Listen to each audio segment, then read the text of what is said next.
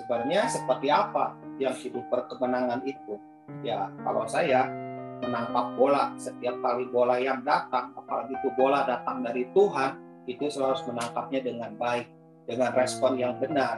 Maka bola itu akan memberikan satu kualitas baru.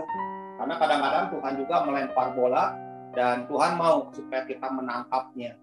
Namun masalahnya kita harus harus mengenali bola yang datang dari Tuhan atau bola yang yang datang karena kebodohan dan kesalahan kita. Tuhan ingin supaya kita semua menangkap bolanya dengan baik.